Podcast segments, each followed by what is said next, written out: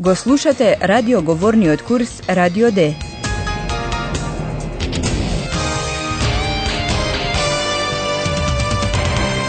Заеднички проект на Гете институтот и Радио Дојче Веле. Авторка е Херат Мезе.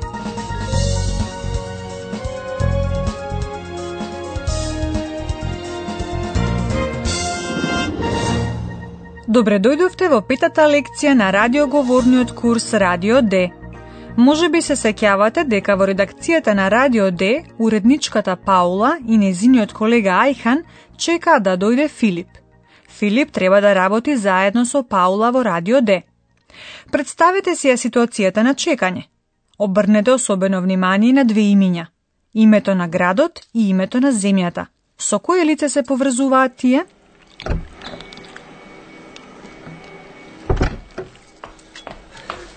Sorry. Entschuldigung. Tut mir sehr leid.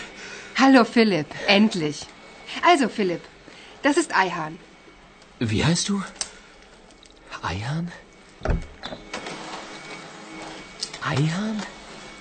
Du kommst aus der Türkei. Nein, ich bin aus Berlin. Übrigens, ich bin Josephine. Josephine. Guten Tag, Josephine. Josephine, bitte nicht.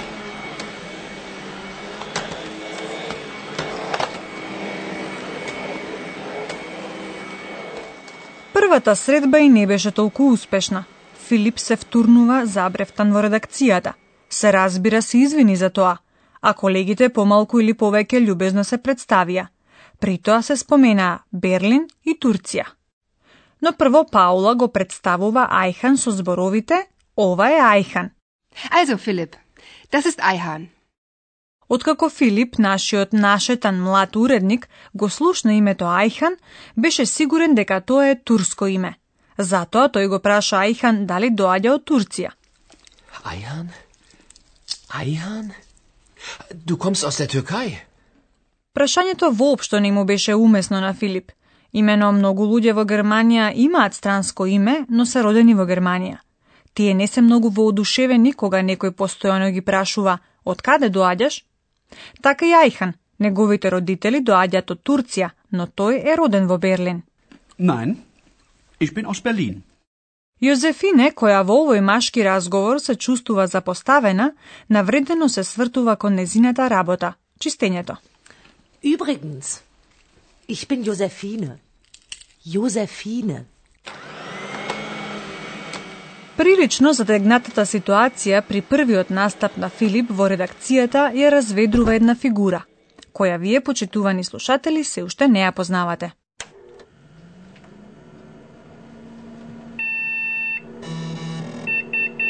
Achtung, Recherche, Recherche. König Ludwig lebt. Mysteriös, sehr mysteriös. Wer bist du denn? Ich bin Kompu. Kompu? Ja, ich heiße Kompu und ich bin ein Kompu. Компу, како што сигурно веќе предпоставувате, е компјутер. Да видиме дали ке зборува со нас. Здраво, Компу. Раскажи им на слушателите што правиш. Recherchieren, recherchieren, recherchieren. Ах, малку претерува. Тој самиот всушност не може да истражува, но може на уредниците да им помага при нивното истражување. Ich bin Kompu. Ich bin bei Radio D. Е, ова е веќе поблиску до вистината. Компу, компјутерот што зборува во радио Д, им ги пренесува на лозите на уредниците. Денес треба да се истражува еден мистериозен случај. Тоа најверојатно го разбравте во налогот што Компу го најави. Компу, повтори го налогот уште еднаш те молам? Achtung, Recherche, Recherche. König Ludwig lebt. Mysteriös, sehr mysteriös. Некој очигледно тврди дека кралот Лудвиг се уште е жив, но ние знаеме дека кралот Лудвиг II, кралот на бајките од Баварија, е мртов уште од 1886 година, значи одамна. Градејки раскошни дворци со занес и восхит, тој на вистина беше звонреден крал. Во еден од дворците во замокот Ној Шванштајн, Паула и Филип го истражуваат очигледно безсмисленото тврдење дека кралот Лудвиг се уште е жив. Паула и Филип сакаат да знаат што се крие за тоа. Hallo, liebe Hörerinnen und Hörer. Willkommen. Bei Radio D.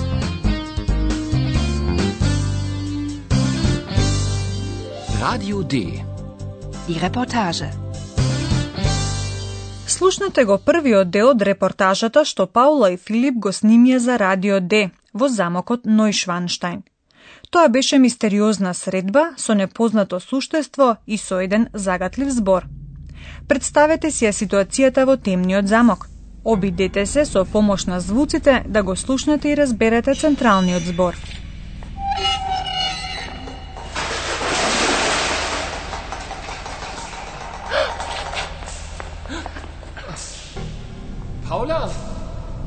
Bist du? Philipp, wo bist du?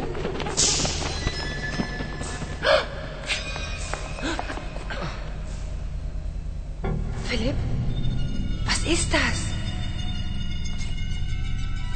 Das weiß ich nicht.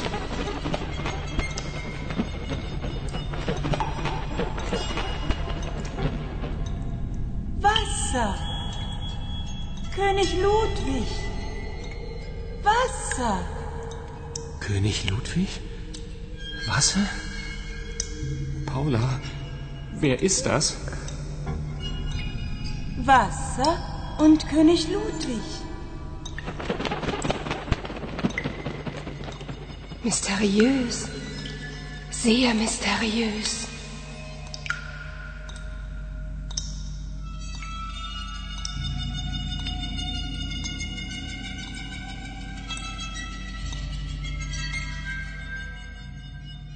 Централниот збор е всушност поимот Васа, вода, што е тесно поврзан со кралот Лудвиг II.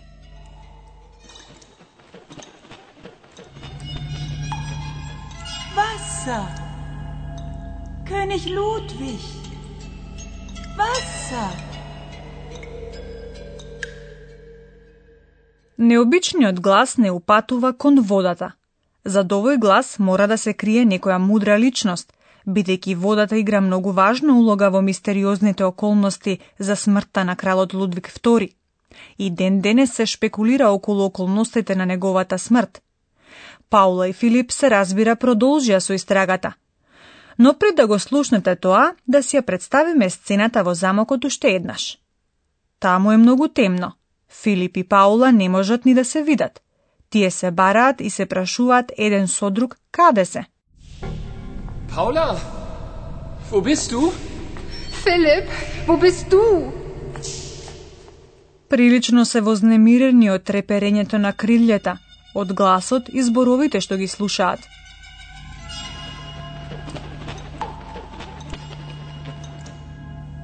Wasser.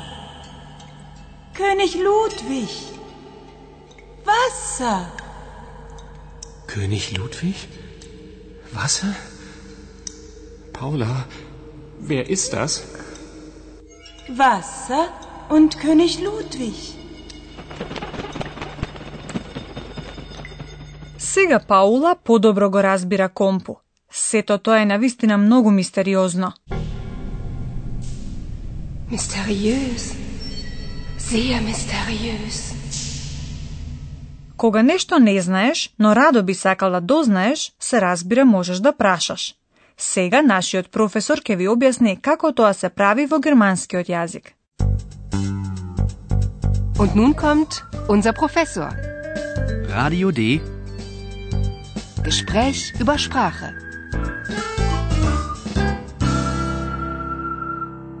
Да, се разбира, дополнителни прашања секогаш може да се постават. Но дали ќе добиете задоволителен одговор? Да слушнеме. Кога Филип и Паула слушнаа чудесен звук, Паула сакаше да открие за што станува збор и запраша. Што е тоа? Was ist das? Се користи прашалниот збор што, вас. Внимавајте на овој прашален збор што стои на почетокот од прашањето. Was ist das? Во право сте, господине професоре. Филип не може да одговори на прашањето бидејќи не знае. Das weiß ich nicht. Слушнете уште еднаш. Прашањето со прашалниот збор што, вас и одговорот што започнува со тоа, das. Philipp, was ist das? Das weiß ich nicht.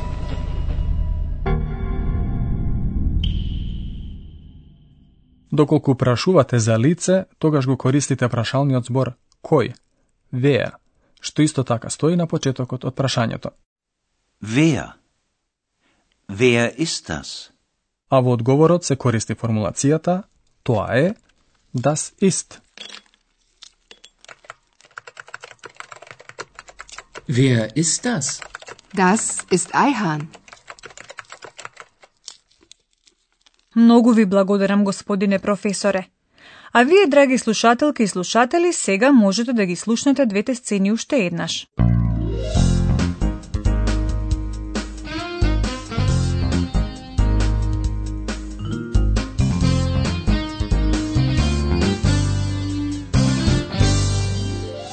Филип конечно пристигна во редакцијата на Радио Д.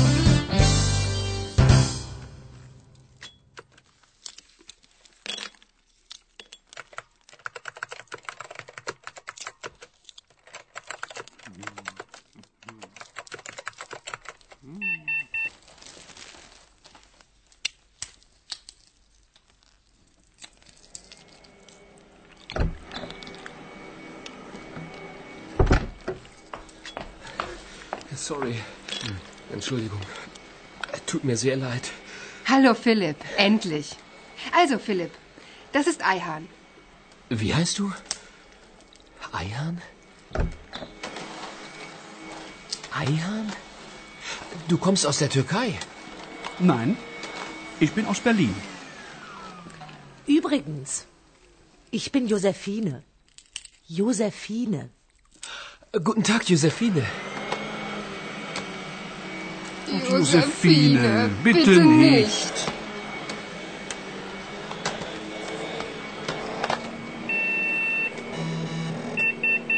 Achtung, Recherche, Recherche. König Ludwig lebt. Mysteriös, sehr mysteriös. Wer bist du denn? Ich bin Kompu. Kompu? Ja, ich heiße Kompu und ich bin ein Kompu. Филип и Паула отпатуваа во замокот Нојшванштајн за да видат колку се точни тврдењата дека кралот Лудвиг II се уште е жив.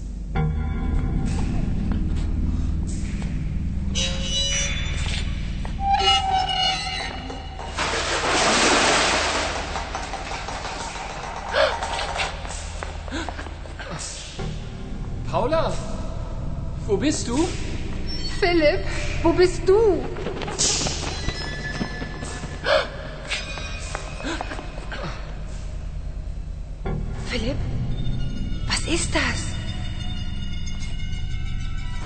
Das weiß ich nicht.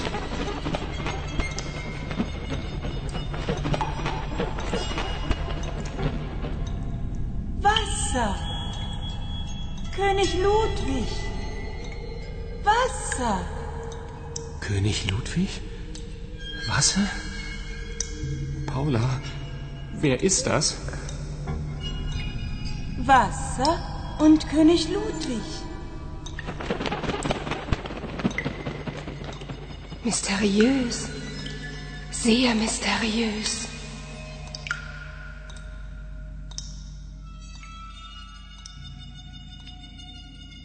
Во наредната лекција Филип и Паула се обидуваат детално да ги испитаат мистериите, но дали ќе им успее тоа?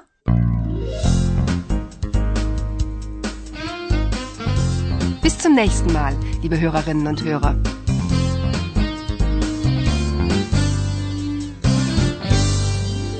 Го слушавте Радио Д, курсот по германски на Гете институтот и Радио Дојче Веле. Und tschüss.